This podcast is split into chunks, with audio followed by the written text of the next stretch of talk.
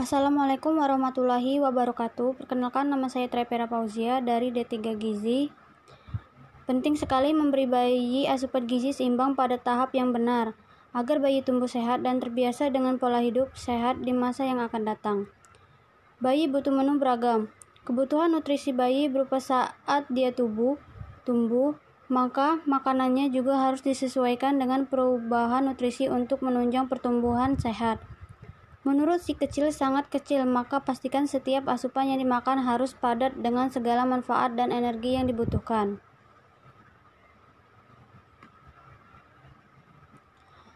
Menu seimbang untuk bayi tentu sangat berbeda dengan menu seimbang untuk orang dewasa.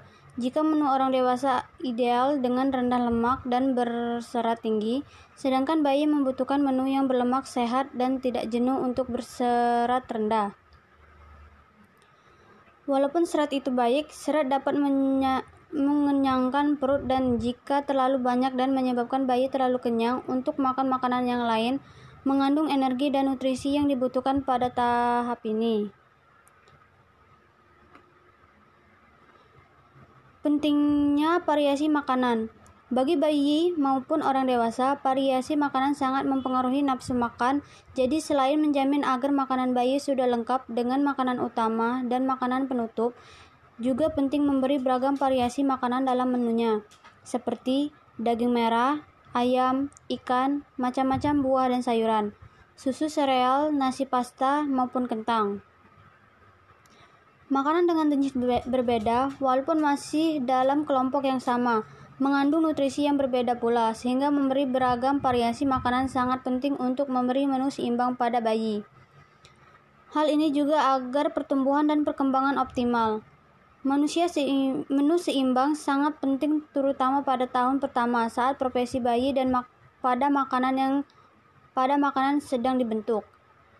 Pada tahun kedua profesi, frekuensi ini akan cenderung sama sampai dia berumur 8 tahun.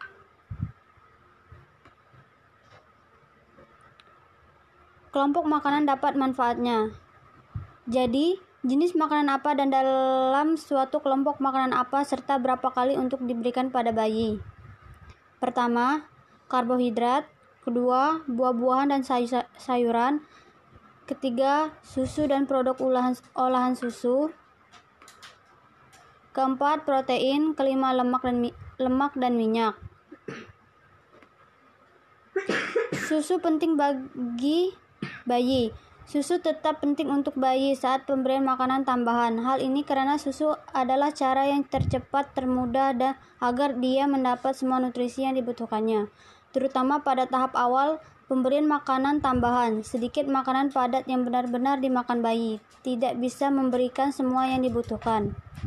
Susu adalah sumber utama vitamin, mineral, lemak, dan zat gizi dan mengisi kira-kira setengah dari yang kemasuk ke perut bayi.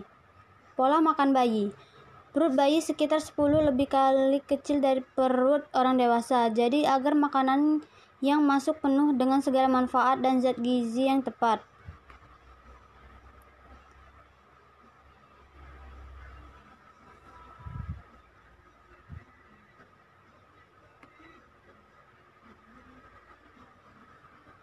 Kebutuhan gizi sesuai trimester kehamilan. Supaya kehamilan berjalan dengan sehat dan janin berkembang dengan sempurna, berikut adalah kebutuhan gizi yang wajib dipenuhi ibu hamil sesuai dengan trimester kehamilan. Trimester pertama kehamilan, trimester pertama kehamilan berlangsung dari minggu pertama hingga minggu ke-13. Trimester ini merupakan periode antara masa konsepsi ketika sel pertama janin terbentuk hingga akhir minggu kedua dan pembentukan semua organ janin. Karena trimester pertama kehamilan begitu penting, ibu hamil perlu mengonsumsi makanan yang sehat dan mengandung zat-zat berikut ini. Yang pertama, asam folat atau vitamin B9, yang kedua vitamin B6, yang ketiga zat besi. Selanjutnya, trimester kedua kehamilan. Zat gizi yang wajib didapatkan oleh ibu hamil adalah kalsium dan vitamin D, asam lemak omega 3, Selanjutnya, trimester ketiga kehamilan. Trimester ketiga kehamilan dimulai pada minggu ke-28 kehamilan sampai ke minggu ke-41. Pada trimester ini, makanan yang dikonsumsi ibu hamil ditunjukkan untuk memberi energi yang cukup untuk proses persalinan nanti. Beberapa kebutuhan gizi yang wajib dipenuhi ibu hamil trimester ketiga antara lain karbohidrat, protein, vitamin K. Selain memperhatikan dan memenuhi kecukupan, kecukupan gizi selama kehamilan, ibu juga ibu hamil juga wajib untuk menerapkan gaya hidup sehat. Caranya lakukan olahraga yang sesuai dengan kondisi kehamilan secara rutin dan teratur. Jauhi rokok dan alkohol, cukup istirahat serta kelola stres dengan baik. Terakhir, jangan lupa untuk melakukan pemeriksaan antenatal secara berkala agar kondisi kehamilan selalu terpantau dengan baik. Sekian dari penjelasan saya, wassalamualaikum warahmatullahi wabarakatuh. Assalamualaikum warahmatullahi wabarakatuh. Perkenalkan, nama saya Trevera Pauzia dari Prodi D3 Gizi tingkat 1B. Di sini, saya akan memberi penilaian dari podcast Sania Farhana. Adapun penilaian yang pertama, yaitu materi yang disampaikan oleh Sania Farhana cukup jelas dan sudah sesuai dengan materi yang seharusnya.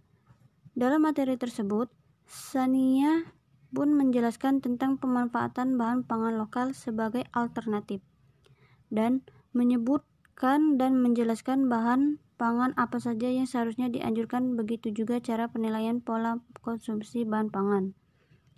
Dan menurut kesimpulan yang saya ambil adalah podcast Sania sudah cukup membuat pendengar podcastnya menjadi lebih paham tentang materi yang telah dijelaskan atau disampaikan yaitu pemanfaatan bahan pangan lokal sebagai alternatif. Sekian dari saya. Wassalamualaikum warahmatullahi wabarakatuh. Assalamualaikum warahmatullahi wabarakatuh. Perkenalkan nama saya Trevera Pauzia dari Prodi D3 Gizi tingkat 1B. Di sini saya akan memberi penilaian dari podcast Sania Farhana. Adapun penilaian yang pertama, yaitu materi yang disampaikan oleh Sania Farhana cukup jelas dan sudah sesuai dengan materi yang seharusnya. Dalam materi tersebut, Sania pun menjelaskan tentang pemanfaatan bahan pangan lokal sebagai alternatif dan menyebutkan dan menjelaskan bahan pangan apa saja yang seharusnya dianjurkan begitu juga cara menilai pola konsumsi bahan pangan. Dan menurut kesimpulan yang saya ambil adalah podcast Sania Farhana sudah cukup memberi pendengar podcastnya menjadi lebih paham tentang materi yang telah dijelaskan atau disampaikan, yaitu pemanfaatan bahan pangan lokal sebagai alternatif. Sekian dari saya. Wassalamualaikum warahmatullahi wabarakatuh.